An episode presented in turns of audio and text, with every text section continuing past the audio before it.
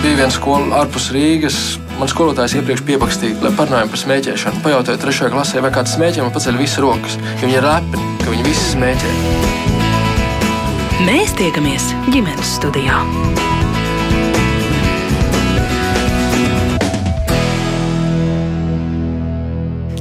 Labdien, redzījums ģimenes studijas sāk savu skanējumu. Jūs sveicināta producente Sarmīta Kolāte, mans vārds ir Agnese Linka.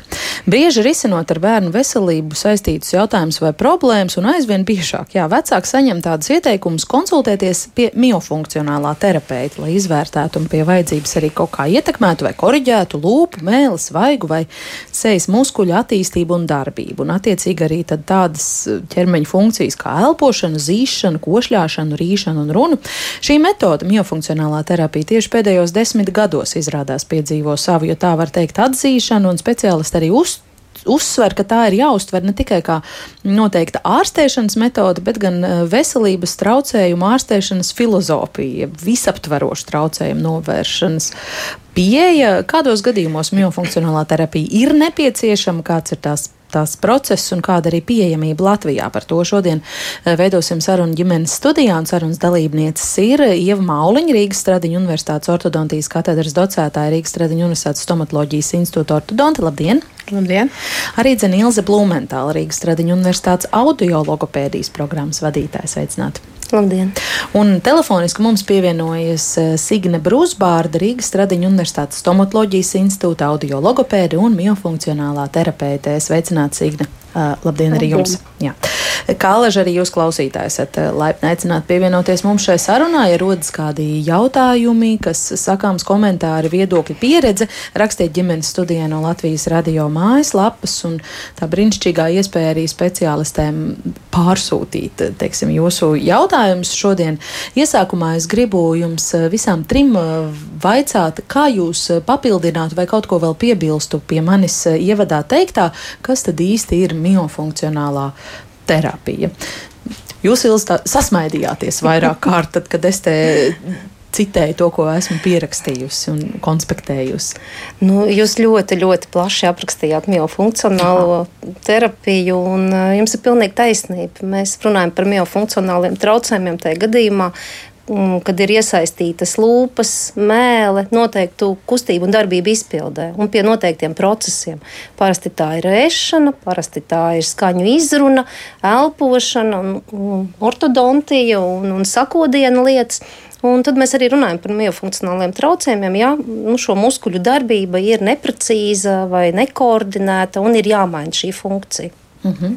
Signe, ko jūs varbūt piebilstu kā miofunkcionālais terapeits? Jā, īstenībā es arī pievienojos, protams, iepriekš minētajam, jo elpošana, nu, principā orofaciālais komplekss, ja, kas, ko mēs saprotam, tātad sejas muskulatūra, mutes funkcijas, ja, tātad šis viss kopums arī tas ir, ar ko mēs strādājam un ko mēs saucam par šiem miofunkcionāliem traucējumiem. Jā, varbūt jums arī kas vēl ko komentēt? Nu, es arī pilnībā piekrītu visam iepriekš minētajam. Nu, tā kā es parasti saviem pacientiem vēl skaidroju, tad uh, uz zobiem darbojās no iekšpuses mēle un no ārpuses lūpas un vaigi. Un, lai zobi būtu pareizā pozīcijā, ir ļoti svarīgs, svarīga lūpas, un vaigu un mēles darbība kopā. Līdz ar to tas arī viss vēl paskaidro. Mm -hmm. Kā tas sadarbojas ar mums? Jā, kā man kāda ortodonte privātā sarunā teica, lūpas un mēlē ir mūsu dabiskās breketes. Tieši tā. Ortodonta skaidrojums bija arī um, ievadam par miofunkcionālo terapiju. Var teikt, ka šī ir jauna specialitāte, Ilze? Mm, tā ir salīdzinoši jauna. Mm jomu, kā mēs skatāmies uz traucējumu.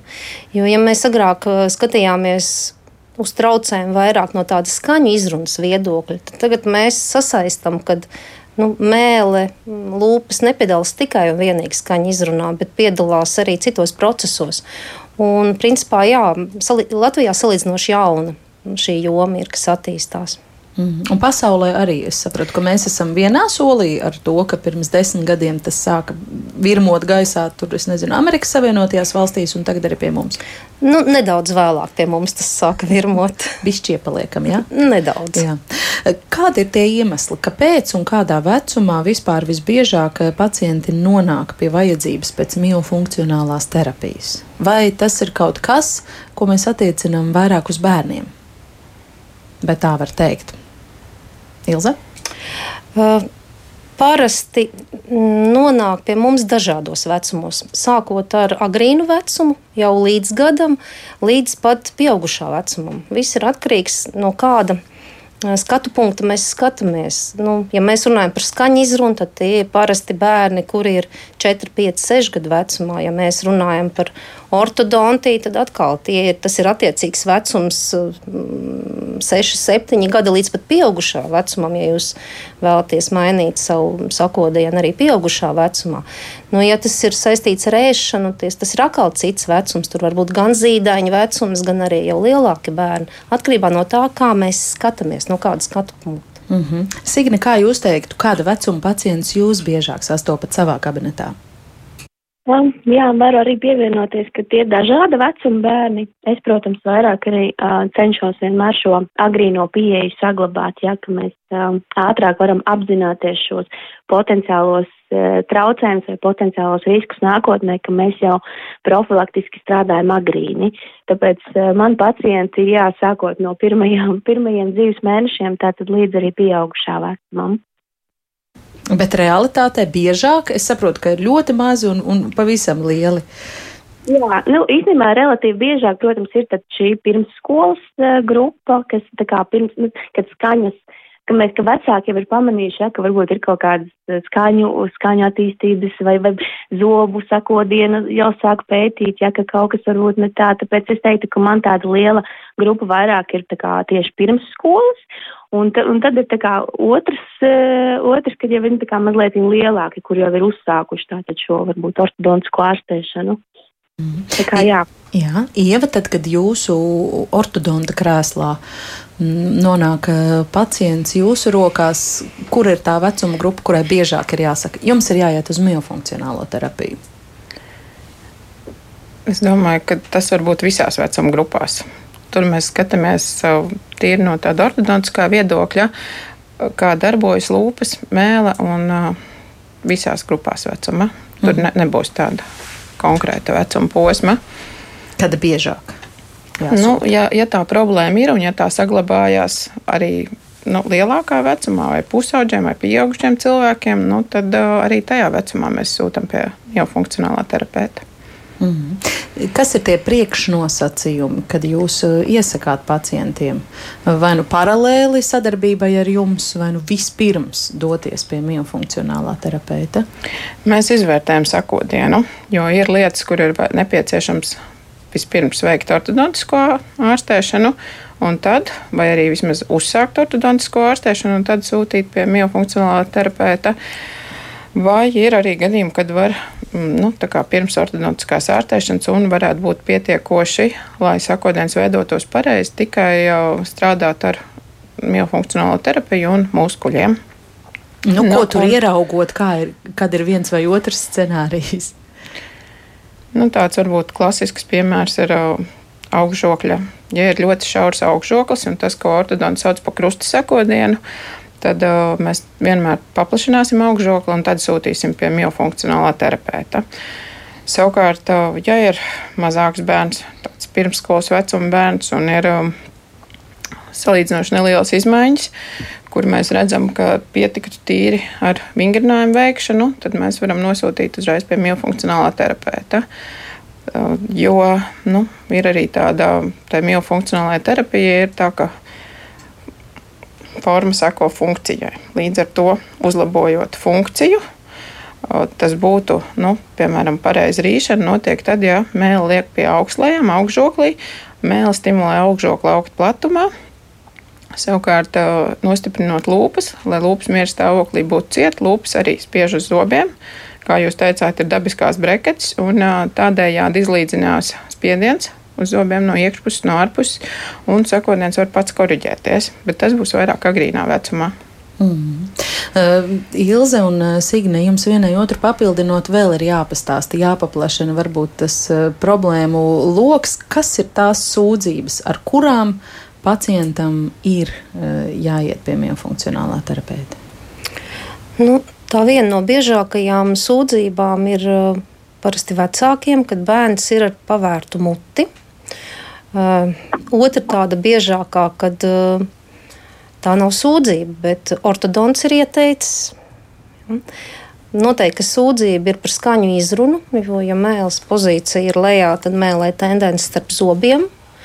Ir vecāki, kas uh, sūdzās par ēšanas grūtībām bērnam, piemēram, grūtības sakožļāt cietu barību, vai, uh, nu, ja tas ir zīdainīts, tad varbūt zīšanas. Un ir tās biežākās. Mm -hmm. Cik kaut ko vēl šeit papildināsiet, vai viss jau ir nosaukts?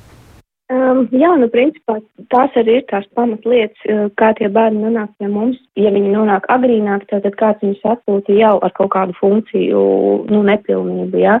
Tas var arī ļoti bieži kombinēties ar dažādiem um, elpoļu, nu, tā kā klasiskākais piemērs būtu, piemēram, adenoīdi palielināti, jā, tad bērniņš elpo ar muti, un līdz ar to viņam jau aiziet šī tā kā ķēdīte, jā, kad deguns ir ciet, mute ir vaļā, mēli ir lejā, tad, ja mēlē lejā, tad ir nepareizi šīs funkcijas gan rīšanai, gan skaņu attīstībai. Un tāda šī ķēdīte arī, nu, principā tie ir tie klasiskākie gadījumi, ja, ka mēs agrīni sākam strādāt ar šo. Mm -hmm. Tad varētu teikt, ka bērni ar pavērtu muti ir tā galvenā jūsu auditorija, tas ir tie biežākie pacienti, tā sauktie mutes elpotāji. Jā, tur, tur, tur kombinējās noteikti arī elpošana, bet uh, ne tikai, nevienmēr. Protams, tā ir arī mēls pozīcija. Viņa varbūt arī, mute varbūt cieta mēls pozīcija tāpat varbūt nekorekta, jā, tā kā, bet visbiežākais, jā, tad, tad nu, tāds procentuāli es teiktu, jā, kad ir šī mutes elpošana, viņa tiešām ir ļoti bieža un kas nes līdzi daudz šīs sekas pēc tam. Nu, tad par tām sekām, kas, kas uh, ir tas, ka pēc elpošana caur muti un pavērtas mutes stāvoklis nav labi, kāpēc tas nav pieļaujams, kāpēc tas ir jānovērš. Ieva pies, piesakās jā. iesākt. Es jā. domāju, ka nu, tāda kaskāde ir. Ja, ja mēs iedomājamies pavarot muti, tad uh, mēle uzreiz noiet. Tā kā paliek apakšā, jo mēlē ir stiprinās vairāk apakšžoklī. Pie normālas pozīcijas aiztaisot muti ciet, mēlē atrodas arī augšžoklī. Tad mēs atveram muti, mēlē paliek apakšā un no iekšpuses uz augšžokļa zobiem nedarbojas. Savukārt, ja mēs paveram muti, iestiepjas vaigi un ir tā kā vaigu spiediens uz augšžokli vairāk. Ja? Un, uh, Sanāk tā, ka no iekšpuses mēlē vairs nespiež, no ārpuses svaigiem palielinās spiediens uz augšžokli, un augšžoklis nevar augt platumā. Un pie pavērtām pavērts mutes, ir pavērts arī lūpes un zobi, nu, teiksim, virzās tur, kur ir vieglāk, vairāk uz priekšpusi. Ir īpaši augša, augšžokļa priekšējie zobi. Mainoties zobiem, tad, kad 6, 7 gados aug pastāvīgie zobi, tad uh, augšžokļa zobi nāk jau ar nelielu nolieci uz priekšpusi, un ja vēl lūpas ir pavērtas un, un nav slēgtas tās lūpas, tad zobi ļoti viegli virzās vēl vairāk uz priekšpusi. Un bieži šādiem bērniem apakšējā lūpa rodas ieradums likt apakšējo lūpu aiz augšžokļa līdzes priekšžobiem, kas vēl vairāk augšžokļa priekšējos zobus pabīd uz priekšu. Nu, nu, kas un, par to, ka viņi tur bīdās uz priekšu? Nu, un, un šādā veidā lūpas paliek arvien grūtāk slēgt, jo zobi ir uz priekšu novietoti. Uh, Nu, un, tādā veidā zobi netiek pasargāti, jo lūpas ir dabisks aizsargs pret traumām. Tāpat tās, ja lūpas ir cieta, zobi tiek apskaloti ar siekalām. Nu, šādiem bērniem ir stipri palielināts traumu risks. Tas nozīmē, krītot, nu, saņemot citienu ar bumbu. Tas tiek tieši pa zobiem un nu, var nolauzt zobus, var, var citādi traumēt zobus. Ja, un, um, jā, tā, tad rodas vēl citas problēmas. Mm -hmm. Tas ir viens tāds aspekts, ko mēs pie šī vēl varētu klāt, piemetināt. Kāpēc nav labi elpot caur muti? Ilze?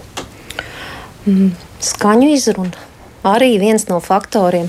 Ja mute ir vaļā, mēlī ir apakšējā pozīcijā, un latviešu valodā ļoti daudz skaņas ir tieši mēlis pacēluma uz augšu. Mēlī neceļās uz augšu, netiek celt uz augšu, slīd starp zobiem un ir starp zobu izrunu arī mm, tiešā veidā elpošana var ietekmēt arī šo mm, skaņu izrunas aspektu. Mm -hmm. Bērniņš sit mēli, ja? tā vienkārši izsakoties, sit mēlīti starp zobiem, vedam pie Jā. logopēda, strādā, strādā logopēds un rezultāts izpaliek. Jā, tās ir tās reizes, kad uh, var ilgstošā laika periodā apmeklēt speciālistu, piemēram, logopēdu, Un uh, tas rezultāts nav tik ātri un tāds, kā mēs vēlētos. Jo principā ir jāsaprot to, ka nu, mēlē nepiedalās tikai un vienīgi skaņa izrunā. Mēlē piedalās arī citās uh, aktivitātēs, piemēram, rīšanā.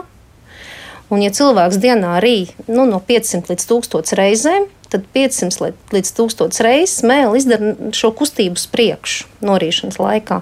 Un, attiecīgi, speciālists strādā ar pozīciju augšā, un tai pašā laikā tiek pastiprināta kustība, kad mēlī iet starp zobiem. Ja? Tad, nu, mēs it kā ar vienu strādājam, bet otram nepievēršam uzmanību, un līdz ar to mēs nav tā noturīgā nu, rezultāta.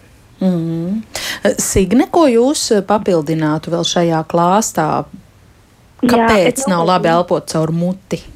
Jā, tātad viens, protams, ir šīs spiediena lietas, ko kolēģis minēja, bet otrs arī, nu, funkcionāli, ja mēs iztēlojamies, mums būtu jāelpo caur degunu, jā, tad, tad dabā mums ir iekārtot tā, ka mēs elpojam caur degunu, uh, tad, mēs šo gaisu sasildam, attīram, jā, un uzņemam tā kā šo skābekli.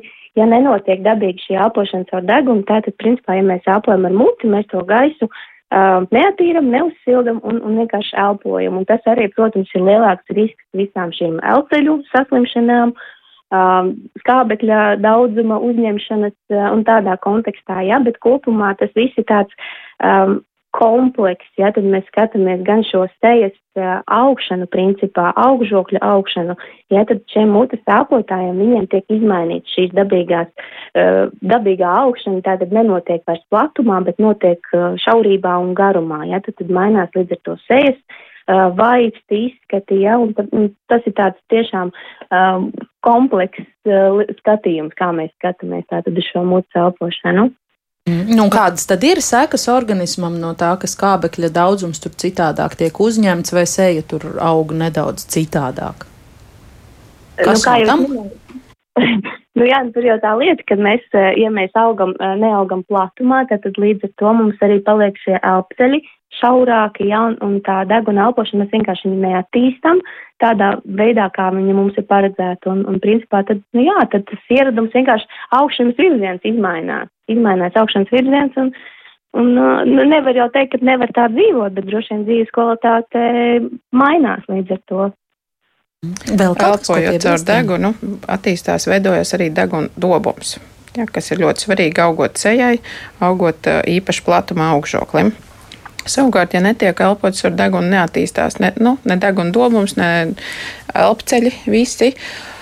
Līdz ar to jā, arī grūtāk ir pēc tam. Un, un, Papildus tam, ko mēs darām, mēs arī liekam mainīt šo ieradumu ārtējot, kas vienmēr ir ļoti sarežģīti.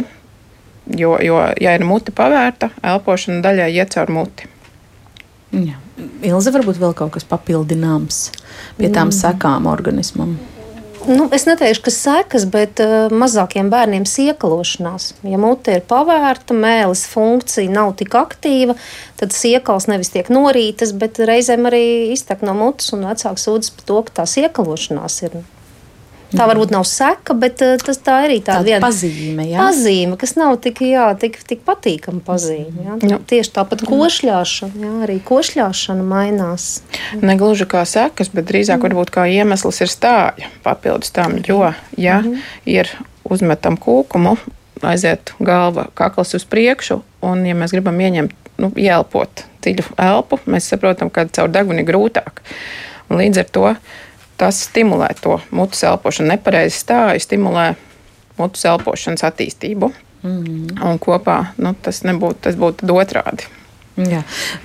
Vai vecāki gana bieži pievērš uzmanību tam, vai bērns elpo caur muti vai staigā ar pavērtu muti?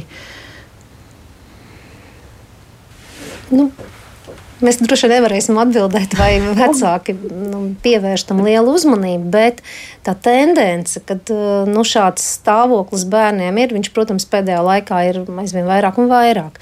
Un, uh, iespējams, ka arī, nu, ja bērns sēž pie um, telefona vai pie datora un ir galva noliekta, arī šī pozīcija droši vien izmaina to, kāds ir mutes pavērums. Ja? Jo, ja mēs ilgt, ilgāku laika periodu sēdēsim ar noliektu galvu, nu, mute pavērās mums vaļā. Mm. Ja? Nu, jā, bet bēbji jau nesēž tik daudz. Mēs Bēbi... tā gribam cerēt nu, pie tiem telefoniem. bēbji nē, bet nu, bēbjiem arī tā mute varbūt nav tik, nu, tas nav tas redzamākais simptoms, kad ir tā pavērtā mute. Bēbjiem vairāk ir tās zīšanas aktivitātes izmainītās. Mm. Par to muti pavērto, to parasti jau mēs tā kā pirmsskolā vairāk pamanām. Jā, Signe, jūs ko gribējāt vēl arī teikt? Um, jā, ne, man, man īstenībā praksē ir tā, ka vecāki tiešām nāk un, un, un kad, ka viņi ir pievērsuši šim uzmanību, ja kad ir bijuši pavērtā mūsu pozīcija, un tad, tad mēs kopīgi skatāmies tās bildes, un viņi rāda, jā, tomēr, ka viņi jau to ir pamanījuši tiešām jau agrīni. Tā kā es teiktu, ka tā informētība ir palikusi tāda, nu, vairāk, ka vecāki tā kā pievērš tam uzmanību. Un uh, tas, kas saistās par tiem mazajiem uh, pacientiem, tad, tad, principā, jā, nu arī viņiem tā, tā mucu elpošana ir viens no faktoriem, ko, ko vismaz mēs arī skatāmies un mēģinam rast risinājumu, kāpēc tā mutīte ir vaļā jau agrīni, bet uh, es teiktu noteikti, ka vecāki ir zinošāki, varbūt tāpēc, ka par to runā vairāk apkārt un arī speciālisti, kuri nosūta šos pacientus arī, nu, tā kā liek konsultēties tātad ar miofunkcionālo terapeitu tātad šajā jautājumā. Vai logopēdiem?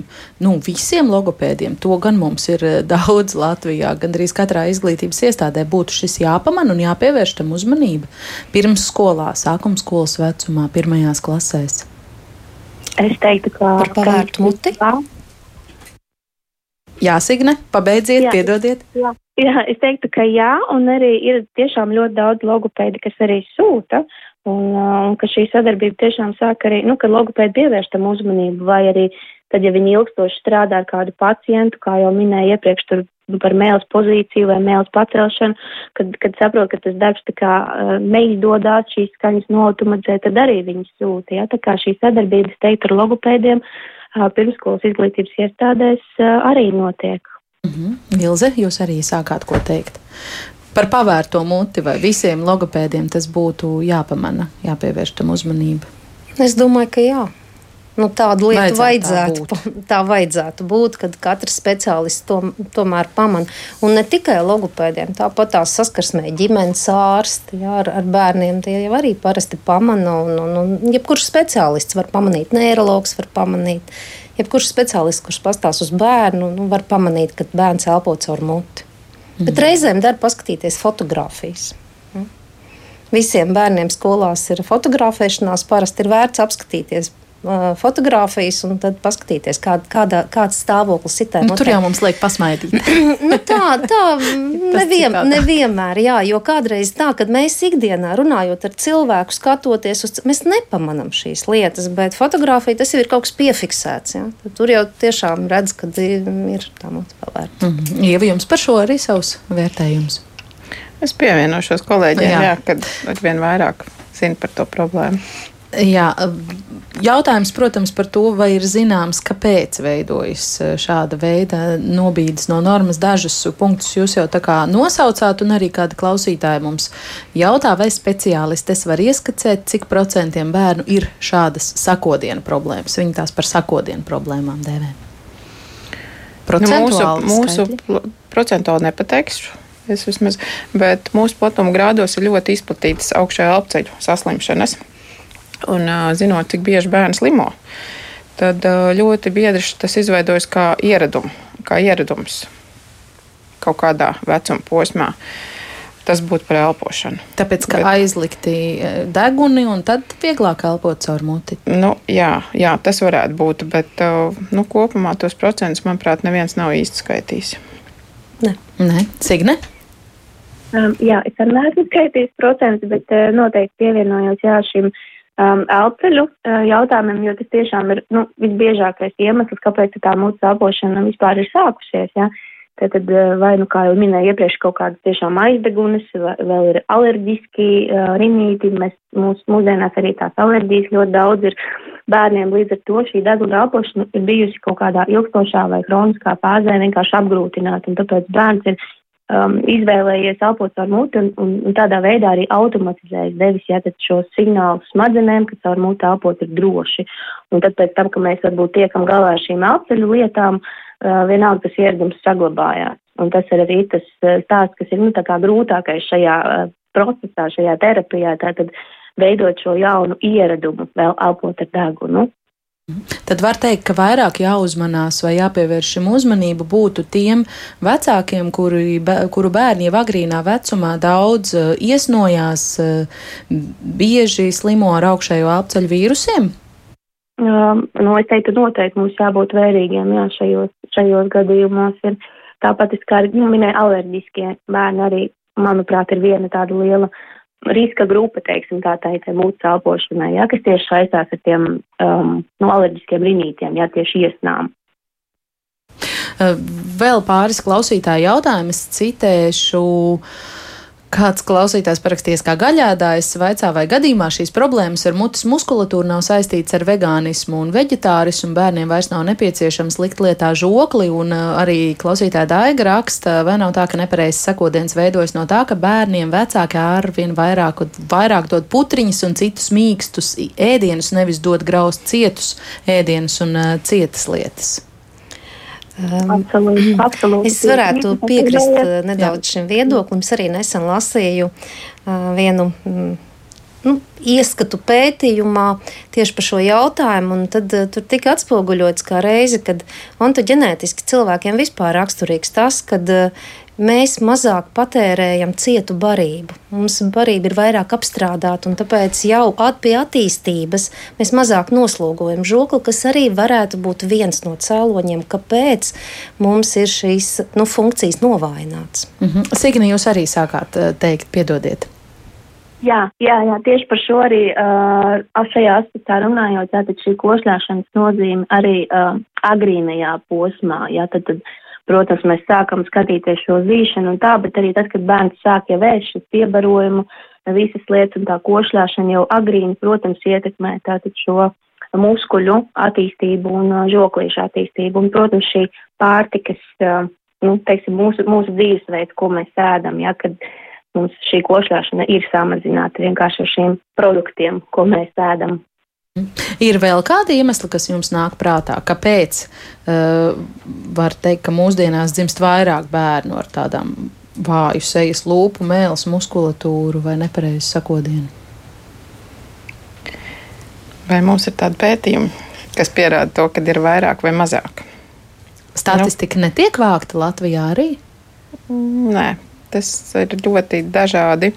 Dažādas izcelsmes šīs problēmas ir, tāpat tās dažādi sakodiena veidi. Tā būtu ļoti, ļoti plašs pētījums, un, un savukārt arī mums par iepriekšējiem gadiem nav tādi. Bet, ja jāsaka konkrēti vai vairāk vai mazāk, es domāju, ka šī problēma varbūt arī nav bijusi aktualizēta agrāk. Vienkārši atpazīstam šobrīd labāk. Jā, mēs vairāk pievēršam uzmanību. Tā ir Tad Jā. nav tā, ka šobrīd vienkārši dzimst vairāk bērnu ar vājākiem žokļiem kaut kādu iemeslu pēc. Nē, te vispār mēs pra, parasti nerunājam par to, ka dzimst ar vājākiem. Tas laika gaitā šie muskuļi ir vājāk nodarbināti. Nu, viņi vai nedaudz savādāk nodarbināti, kā rezultātā tā funkcija ir izmainīta. Jā, bet tas nav saistīts tieši ar dzimšanas brīdi vai periodu. Mm, varam tikai spekulēt par to, vai tās ir vairāk izplatītas alerģijas, vai tas ir mīkstāks ēdiens, vai vēl kaut kas. Nu, mēs varam mēģināt saprast, nu, piemēram, ja ir kaut kādi nelabvēlīgie ieradumi, mēs varam vienmēr anamnēzi ievākt un jautāt, nu, kas ir tas, ko jūsu bērns varbūt tās dara, ko nevajadzētu darīt. Un tad vecāks kādreiz saka, nu, joprojām sūkā īkšķi vai sūkā segas stūrīti. Ja? Un tad mēs saprotam, ka, jā, nu, ja bērns vairāku gadu garumā sūkā īkšķi vai stūrīti, tas varētu būt viens no iemesliem. Mm. Ja? Nu, tādā veidā šķetinot drīzāk tiek, bet kādreiz vispār nav atšķirināms tas iemesls. Mm -hmm. Signa, vēl ko piebildīsiet? Um, nē, es, es pievienojos, jā, kad, jā. kad nav jau tāds pētījums te, izpētīts tiešām šīs tēloņa likuma sakarības. Jā, tā kā mēs jau tikai vēl skatāmies un, un taustamies un mēģinam tad saprast, ja šos cēloņus. Bet, bet es piekrītu, ka tas noteikti ir vienkārši Latvijā pēdējos gados ar vien vairāk tam pievērš uzmanību, pat ir šī miofunkcionālā terapija Latvijā jau nav nemaz eh, tik, tik daudz gadus, jā, tā kā noteikti tie pacienti ir bijuši pirms tam, vienkārši šobrīd mēs tā kā vairāk par šīm lietām runājam. Jā, es atgādināšu, ka ģimenes eh, studijā šodien eh, spriežam par to, kas ir miofunkcionālā terapija, kādos gadījumos un kāpēc tā nepieciešama. Un sarunas dalībnieces ir Rīgas Stradiņa Universitātes audiologopēdijas programmas eh, vadītāja Ilze Blumentāle, arī Rīgas Stradiņa Universitātes stomatoloģijas institūta ortodonta Ieva Mauliņa un telefoniski ar mums kopā arī stomatoloģijas institūta audiologopēda un miofunkcionālā terapeita Signe Brusbārde. Un šobrīd mums sarunā ar savu pieredzes stāstu piepulcēsies četru bērnu māma Līga. Viņas eh, vienai no meitām pašlaik ir septiņi gadi. Pirms diviem gadiem bērnam tika ieteikts doties pie miofunkcionālā terapeita. Paklausīsimies Līgas stāstīto. Viss sākās ar to, ka mums zobārste kārtējā vizīte īsi pirms piecu gadu vecuma pamanīja, ka nav kārtībā ar sakodienu, ka sakodiena problēmas ir. Un pirms tam arī meita gāja mm, pie logopēda gan dārziņā, gan arī uz pilsētas logopēdu, jo viņai bija problēmas ar izrunu. Nedaudz elburts skanēja savādāk nekā viņam vajadzētu būt, un erburta nebija. Tad pieteicām vizīti stomatoloģijas institūtā pie ortodonta saistībā ar sakodienu, un tur ortodons uz vietas pateica, ka ir nepieciešama miofunkcionālā terapija. Tur gan bija daudzu mēnešu rinda, bet mums reāli noveicās, ka mums iepriekšējā vakarā pazvanīja, vai jūs tiekat nākamajā dienā, jo ir atteicies. Mēs pat mēnesi negaidījām. Tāda laba sakritība. Aizbraucām pie miofunkcionālā speciālista. Nu jā, jo ortodons pirms tam teica, ka tā terapija ir nepieciešama, jo tie muskulīši tieši ir tādi mēlis stāvoklis ir nepareizs, muskuļi ir vāji, un lai kaut ko vispār darītu, tur runā gāja par platīti, iespējams, tad ir nepieciešami, lai ir ļoti stingri šie muskuļi, lai ir pareizs mēlis stāvoklis, un tikai tad var tālāk domāt kaut ko darīt. Vai jūs arī sapratāt, vai jums tika kaut kā skaidrots, kāpēc tur tas muskuļu vājums vispār veidojās? Īsti līdz galam nesmu sapratusi, jo tādēļ, ka tos iemeslus nosaucot, teiksim, teiksim, ka varētu būt saistībā ar pudelīti. Viņa man vispār pudelīti nav nekad mūžā. Tas ir nu, simtprocentīgi krūts bērns. Un tā, tos iemeslus, kurus nosauca, neviens viņiem īsti neatbild. Un tad es sapratu, nu, ka varbūt tā vienkārši tāda īpatnība. Viņai pirms tam arī bija trauma, tur bija lausta kāja, un es nezinu, kāpēc sasaistīju. Varbūt tas ar kaut ko tur saistīts vai, vai kā, bet nē, līdz galam to es nesapratu. Jā, tur varbūt prasījās tāds sīkāks skaidrojums, jo joprojām īsti nav skaidrs, kādēļ tā. Mēs kā paši esam no Jēkabils, un, protams, izbraukāt uz Rīgu regulāri bija grūti. Tad darījām lietas attālināti caur Zoom. Reizi mēnesī aizbraucām un pārējās reizes attālināti vajadzēja vingrot. Viņa rādīja tajā nedēļas sākumā vingrinājumus. Cik jau tur kamerā nu, varēja redzēt, ko tur meita pareizi vai nepareizi dara. Tur ar ēdienu dažādi, pareiza rīšana, kur tas jogurts viņai pieskar sakaras vai tā, nu to, to visu saprotu, visas tādas nianses to redz. Tā kā parādīja, un tad mums nedēļas laikā katru, katru dienu līdz nākamajai tikšanās reizei vajadzēja šos vingrinājumus pildīt. Un tad viņa vērtēja to sasniegumu, kas ir kā iepriekš varēja, kā nevarēja. Un tad, kad mēs aizbraucām klātienē uz vietas, tad arī viņa varēja novērtēt, tur mērīt kaut kādu lūpu stiprumu. Tur jā, visādas tādas īpatnējas, interesantas lietas.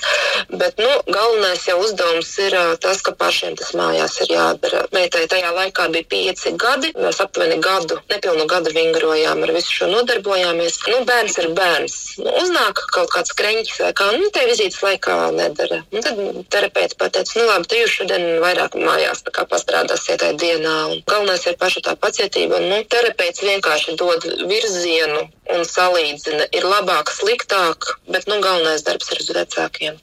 Jums arī bija tā mutes līmēšana uz nakti ciet, ja? Jā, bija mutes līmēšana, jo tādēļ, ka viņai bija lūpas bija vājas, viņa, viņa neturēja tās lūpas ciet, un vajadzēja viņas līmēt ciet, lai lūpas arī iemācas būt visu laiku kopā, jo kā lūpas ciet uzreiz arī ir caur degunu pareiza elpošana. uz nakti. No sākuma man tas bija diezgan liels šoks, ka kaut ko tādu liek darīt, bet uh, terapeiti tā arī pateica, tā ir vienkārši psiholoģiska rakstura barjera, kas vecākam ir jāpārvar, tad jā, pirmo reizi aizlīmējām, bērnam pašam pret to nebija nekādu iebildumu. Mums bija pārtraukums ilgāku laiku, mēs atkārtoti atkal atrādījāmies pie ortodonta, un ortodons uh, pateica, ka visa tā terapija ir nesusi, nesusi augļus, bet tur, saka, vingrinājums varētu neveikt, bet uz nakti turpiniet līmēt ciet mutu. Nu, tad arī turpina viņa līmēt ciet. Protams, tad, ja neslimo, nav ar iesnām vai kā, lai naktī var elpot. Bet tā tad, kad ikdienā vesela, jā, līmējam ciet muti. Kā bērniņš pats eh, šo visu uztver? Nu, gāja visādi. Jo nu, citreiz jā, bija puņķi un asaras, tika motivēta gan ar burkām, gan ar pātagu, gan nu, visa, visādi. Nu, tur, tur liela pacietība no vecāku puses. Tad uh, citreiz es pieslēdzos, citreiz viņai tēvs pieslēdzās, nu, ar kuru tajā dienā ir uh, labāks kontakts, ar kuru nav, nav, nav dusmas vai kā. Nu, tas ar to bērnu darbos, jo vienam nu, ir grūti, ja viens tikai vecāks vai viens tikai cilvēks to dara. Citreiz arī liekas, pašam arī tam pieaugušajam jau iet dūmi pausīm ārā. Liekas, nu kā, nu izdarīja un viss. Nu, bērns arī, ja pēc dārziņa ir atnācis, vai nu viņš ir noguris, vai kā, nu tad ir jāmeklē tās iespējas. Nu, citreiz, jā, nu saprot, nu, nav jēga sevi mocīt, nu labi, iedosim kādu brīvdienu. Tas nav labi, bet priekš sevis pasaudzēšanas darījām arī tā. Un eh, kā tagad var novērtēt kopumā to rezultātu? Jā, ikdienā es redzu, ka nav tā atvērtā mute. Mēs gan ik pa laikam arī vēl aizver ciet muti, aizver ciet muti, mutīti ciet. Un tad arī tā iekšējā kaut kāda motivācija, viņa ļoti grib kļūt par dziedātāju. Tad mēs sakām, nu, ja tu gribi dziedāt, tev vajag pareizu izrunu. Ja tu gribi pareizi izrunu, tad tev šīs lietas ir jādara. Un, tagad viņai ir septiņi gadi, uz viņu arī šīs darbojas. Un līdz ar to, kā vairs nav tās elpošanas caur muti, arī mazāk slimo bērns. To arī var just.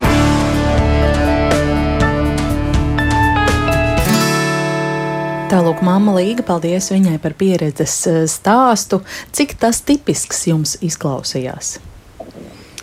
Nu, man, jāsaka, mamma ir gan ļoti pozitīva pieredze, jo ir rezultāts, gan arī ļoti negatīva pieredze. Uh, un negatīva pieredze tādā veidā, ka nu, ne, pie vienas, ne pie viena uzdevuma izpildes nevajadzētu raudāt vai, vai kaut kādā konfliktā ar bērnu būt. Ja? Var, iespējams, ka eh, varbūt nedaudz pa daudz, vai vecāki kādreiz grib ātrāku rezultātu un tāpēc vairāk tā kā. Nu, centīgi taču. Jā, bet. Um, nu, Jūs nevarat vienā dienā iemācīties staigāt, jūs nevarat vienā dienā iemācīties braukt ar mašīnu. Tas notiek viss lēnām. Un tas, ka mēs darām ilgā laika periodā, piemēram, 40 minūtes, tas nebūtu nav labāk vai, vai Tas nav pierādīts, ka 40 minūtes ir labāks par 10 minūtēm. Ja? Mm. Tāpēc varbūt kādreiz vecāki arī nu, pārspīlē ja? ar mēru visu. Nē, nē, vajag, tāpēc, teica, tāpēc ir pozitīvi. arī brīvdienas. jā, jā, bet zinot, kā ir, ir nu, droši vien, kad ja, es domāju, ka daudzi eh, speciālisti arī to saka, ka labāk ir nedaudz mazāk, bet katru dienu nekā izlaist un tad ilgāku laika periodu. Jo, principā, nu, kas tad ir? Mums ir jāmaina šī funkcija, un funkcija nemainās. Nu, tā nav tikai mēlis, lūpu darbība, tā ir būtībā smadziņu darbība. Jo jaunu, par jaunu kustību atbild smadziņu darbība, un smadzenes nevar vienā dienā pārslēgties. Viņām ir vajadzīgs laiks, un tas laiks un atkārtošana, mm. atkārtojam, atkārtojam, atkārtojam. Tāpēc tie labāk ir mazi stimuli, bet ilgākā laika periodā nekā retāki stimuli, bet īsā laika periodā. Uh -huh. Ieva, ko komentēsiet par dzirdēto? Nu, man liekas, lieliski. Jā. Kopumā lieliski. Es arī saprotu, ka ir dienas, kad ir grūtāka bērna, bet tikpat labi es arī saprotu, ka ka nāk dūmi pausīm, ja, jo es arī esmu mēģinājis strādāt ar savu bērnu. Nu, pirmkārt, jā, ir vienmēr jāpieiet ļoti radoši vecākam, lai kaut ko izdomātu, lai kaut kā atkal motivētu. Un, nu, ir grūtāks dienas, ir vieglāks dienas, un, protams, ka viss, kas ir jādara regulāri, apnīk gan mums pašiem, gan bērniem. Mm. Bet nu, ļoti pozitīvi tas, ka mamma redz arī rezultātu. Mm. Tas ir labi. Signe, ko jūs vēl varbūt akcentētu vai komentētu mammas stāstītajā?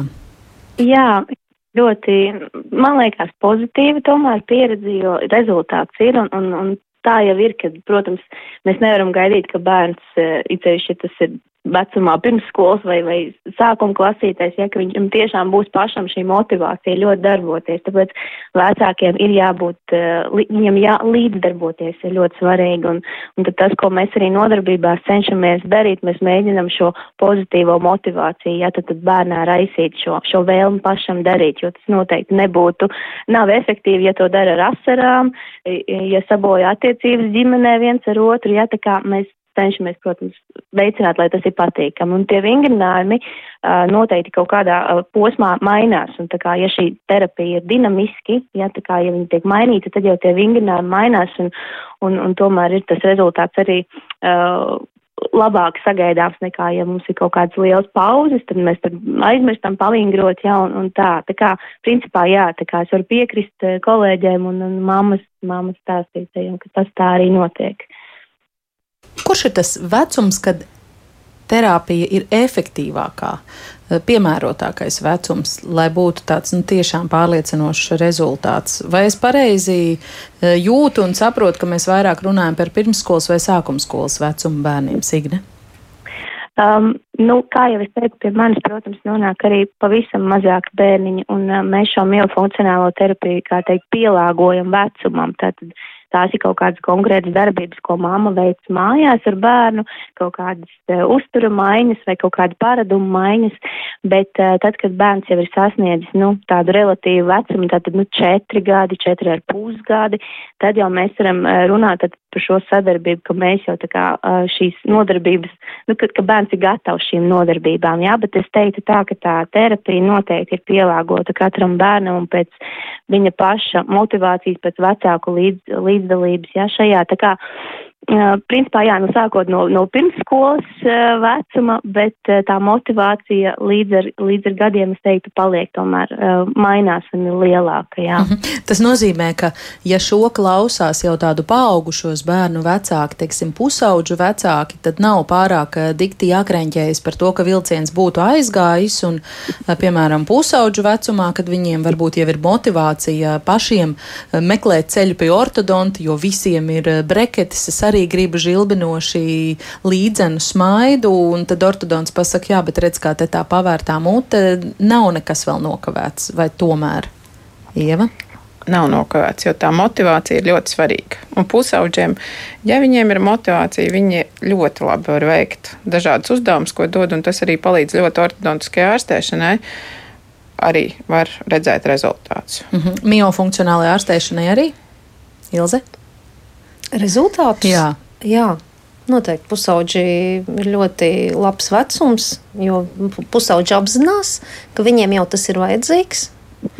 Jo um, tajā brīdī, kad cilvēks saprot, ka viņam gan estētiski skaistāk izskatās, ka mute ciet, gan arī skaņa izruna reizēm mainās, un, un, tad jā, tā ir liela motivācija, un tas noteikti ir pozitīvi. Mm -hmm. Un fizioloģiski arī viss tur joprojām pakļaujās tikpat labi? Uh, augšanas periodā pakļaujās labi. Mm, žoklis aug līdz pat kādam vecumam?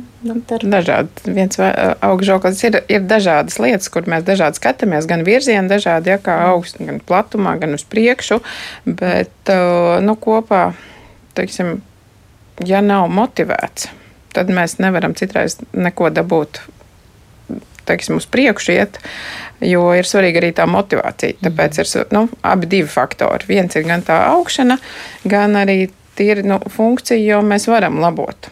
Tas ir, ko mēs, uz ko mēs tajā brīdī koncentrējamies, ko mēs gribam mainīt. Mhm. Pat pieaugušs cilvēks var iemācīties turēt muti ciet. Jā, jo lūpas ir tāds pats muskulis kā visi citi. Lūpas ir jātrenē.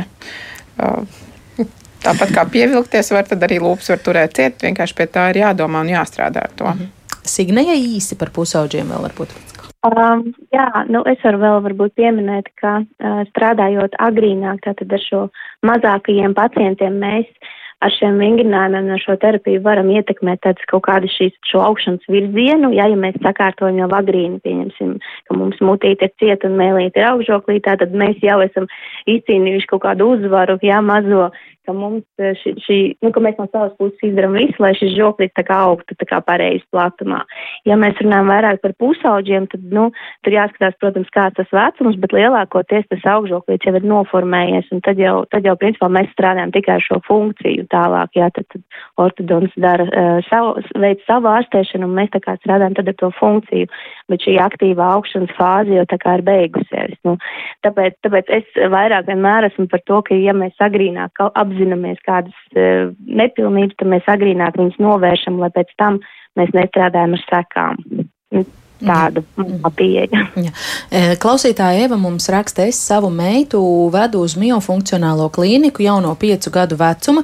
Mēs ļoti cītīgi veicām pilnīgi visus uzdevumus, joprojām katru nakti līmeni ciet muti. Rezultāts pēc četriem gadiem - mute joprojām ir vaļā, apakšžoklis joprojām aug uz priekšu. Esam bijuši arī pie ortodonta, šobrīd jau deviņi gadi meitai, un es personīgi neredzu nekādas izmaiņas pēc tik ilgiem pūliņiem, un tas nav arī bijis lēts pasākums. Ko šādā situācijā vispār var eh, secināt? Nu, ja par, eh, tieši par apakšžokļa augšanu, ja ir izteikti lielāks apakšžoklis, tur ir arī diezgan liela ģenētiskā ietekme. Nevienmēr to var novērst tikai ar vingrinājumiem. Ja? Tā kā, nu, tur arī varētu kombinēt ortodontisko ārstēšanu, kas, es saprotu, varētu ir būt veikta, arī, ir veikta vai tiek. Centīgi, Nē, jā. tā varbūt bija miofunkcionāla terapija, mm. nevar nu, īsti saprast pēc. Nu, droši vien, ka piecu gadu vecumā arī ortodonts teica, iet pie miofunkcionāla. Nu, jā, bet, bet tīri to, cik mums ir ģenētiski ielikt, cik kuram aug apakšžoklis, cik kuram aug augšžoklis, to ne, nevienmēr mēs varam ar vingrinājumiem izmainīt līdz galam, jā. Tā kā ir dažādas ietekmes. Mm -hmm. Ilze, jums ir viedoklis, kāpēc šādi varētu būt gadījies, ka četri gadi sūra darba un mamma raksta rezultāta nav? Nu, Es droši vien nevarēšu komentēt, kāpēc šajā gadījumā nav šī rezultāta, bet pētījumi vispār saka, ka, eh, ja, ja mēs tiešām strādājam, tad funkcija mainās 3-6 mēnešu, 3, mēnešu laikā. Ja, tad tam rezultātam tomēr ir jābūt. Kāpēc šajā gadījumā nav rezultāts? Nu, grūti pateikt to, neredzot uh, pašu šo cilvēku, neiz, nenovērtējot tā komentāru sniegt, droši vien mhm. nevar. Signi, jūs esat redzējuši šādus piemērus, ka ir uh, centīga darbība un nav rezultāta pat uh, četru gadu gaitā, kā māma te raksta? Um, jā, man liekas, nebūs īsti šī četru gadu pieredze tāda bijusi, ka nav, nav bijis rezultāts, bet, bet arī grūti būs īstenībā komentēt uh, konkrēto gadījumu, jo tur tiešām var būt dažādi faktori. Kaut vai, kaut vai tie ģenētiski, jā, ja mēs Tāpēc grūti komentēt būs. Jā, vēl kāda māma mums raksta, mums deviņgadīgam bērnam ir ļoti izteikts apakšējais žoklis uz atpakaļ un priekšējais uz priekšu. Jā, diemžēl mums tiešām pagājušā gadā bija smaga trauma ar lūzumu priekšžobam, jau gadu draudzējamies ar stomatoloģijas institūtu, kā un līdz kuram vecumam visveiksmīgāk labot sakodienu ar kapes lietošanu. Jautājums, kāda kape? Kapes ir dažādas vai tā ir tikai tā mīlfunkcionālā kape. Ja ir izteikts, izteikti nepareizs sakodienas, tad visticamāk tas nepalīdzēs tikai. Būtu nu, jāskatās, viens ir augšžokļa paplašināšana, to mēs citreiz vēlamies veikt ātrāk. Savukārt sakodiena tīri stimulēt apakšžokli augt vairāk, tas varētu būt arī gadiem 11, 12, bet ieteicams būtu aiziet uz, vizi, uz vizīti pie ortodonta. Mm -hmm, nu jā, droši vien, tas arī ir uh, darīts un vēl tiks darīts. Uh, Ieva vaicā, ko jūs varbūt ieteiktu bērniem dot ēst, lai attīstītu tos uh, vajadzīgos muskuļus gan zīdaiņiem, gan lielākiem bērniem? nu, ja par ēšanas lietām, tad viss tas, ko košļā un grauž, burkāni, āboli, gaļa. Hm. Viss tas, kas, tas, kas ir košļājams. Mm -hmm. Signe, droši vien, ka varēsiet arī papildināt. Jā, tas arī ir tas, ko mēs uh, mācāmies terapijā. Mēs mācāmies ēst, košļāt, un arī svarīgi noteikti ir, kā mēs košļājam. Jā, tad, tad košļāšanai arī ir jābūt uh, ar lūpām cietas. Jā, tad, tad jāveido šis lūpas lēgums, lai atkal mēs veido, veicinam šos pareizos spiedienus. Un uh, vēl svarīgs faktors, ar kuriem zobiņiem mēs nokožam, ar kuriem mēs sasmalcinam, ja tā kā tās tādas nianses, pie, ko mēs mācāmies darīt. Bet konkrēti par produktiem, jā, nu klasiski tas ir burkāns, bērniem ir, ir kaut kas jāgrauž, ābols jā, noteikti es, es iesaku arī kaut kādus žāvētus um, ābolus vai žāvētus auglīšus vai, nu, principā, jā, arī cieti produkti, tāpat gaļa. Uh, nu, tā kā, jā, viss, kas ir košļājums, normāls uh, ēdiens. Zīdaiņiem ir zīdaiņiem ir ļoti svarīgi grūts barošana. Mm -hmm. Tieši kāda vecmāmiņa mums par šo arī ir uzrakstījusi. Mm -hmm. Drusku sāk beigties laiks, tāpēc mēģināšu tagad jautājumu atbilžu sprintu norganizēt. Viņa saka, mutes līmēšana pret bērnu gribu tomēr ir vardarbība, vai esat pētījuši, kā mutīti un zobiņus ietekmē krūts barošana maksimāli ilgi?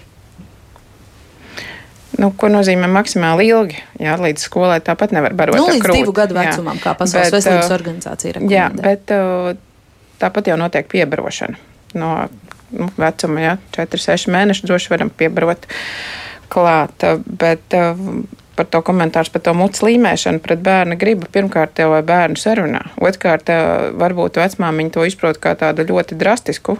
Parasti ir, ir dažādi. Vai nu tie ir ļoti viegli lēkuplas tādu, ko normālos gadījumos nevar izmantot, jo viņš ir pārāk viegls, mm -hmm. vai arī tā muta tiek līmēta tikai apkārt mutes atvērumam un, un uh, bišķiņi fiksēts tas muskulis. Ja, tā tas nebūs tāds, par ko jāuztraucās, un to vienmēr arī izdiskutē konsultācijā un parāda, lai nebūtu satraukums. Bet, uh, protams, ka krūts barošana ir uh, palīdz attīstīties pareizi visiem muskuļiem gan lūpu, gan mēlis, gan tāpat sakodienam veidoties un pareizai rīšanai veidoties. Mm -hmm. Vēl varbūt pavisam īsi par to pieejamību, jo mamma arī minēja, ka garus mēnešus ilga rinda ir pie miofunkcionālā terapeita, vismaz stomatoloģijas institūtā tāds laikam ir. Uh, kāda ir situācija, cik, cik traka, kā jūs Ignato, piemēram, varbūt varat raksturot, jūs esat laikam divas miofunkcionālās speciālists Rīgas Tradiņu universitātē ne vairāk? Ieva... Nē, mēs noteikti. Ne. Jūs domājat par stomatoloģiju? Par stomatoloģijas institūtu. Mēs stomatoloģijas jā. institūtā esam četri speciālisti, jā. jo uh,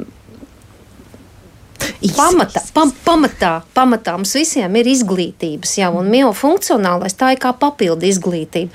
Tāpēc nevienmēr mēs savos, nu, savās mm, profesijās rakstam, ka mēs esam miofunkcionālais. Jā, tad, kaut, kaut gan esat, jā. Kaut gan esam, jā. Mēs, Vai tā pieejamība Latvijā šobrīd ir laba?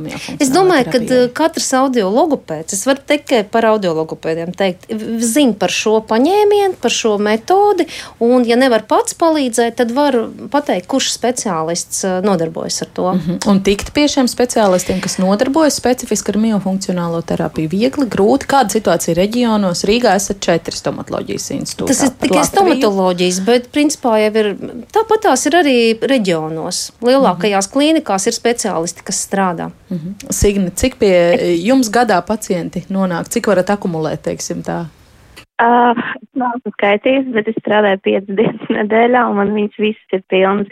Bet es vēl gribēju par miofunkcionālās terapijas pieejamību. Var ieiet jebkurš uh, audiologu pēc mājaslapā, un tur ir visi uzskaitīti speciālisti, kuri strādā ar miofunkcionālo terapiju, un viņiem ir jābūt noteikti reģionos, jo cilvēki, kas ir apgūši šo metodi, ir tiešām diezgan daudz.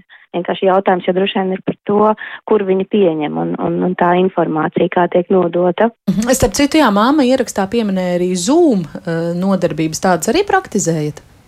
Jā, jā ir iespējams tiem cilvēkiem, jā, pārsvarā, kuri brauc kaut kur no tālāk. Kuriem grūti izbraukāt no, Rī, no, ne no Rīgas. Jā, labi.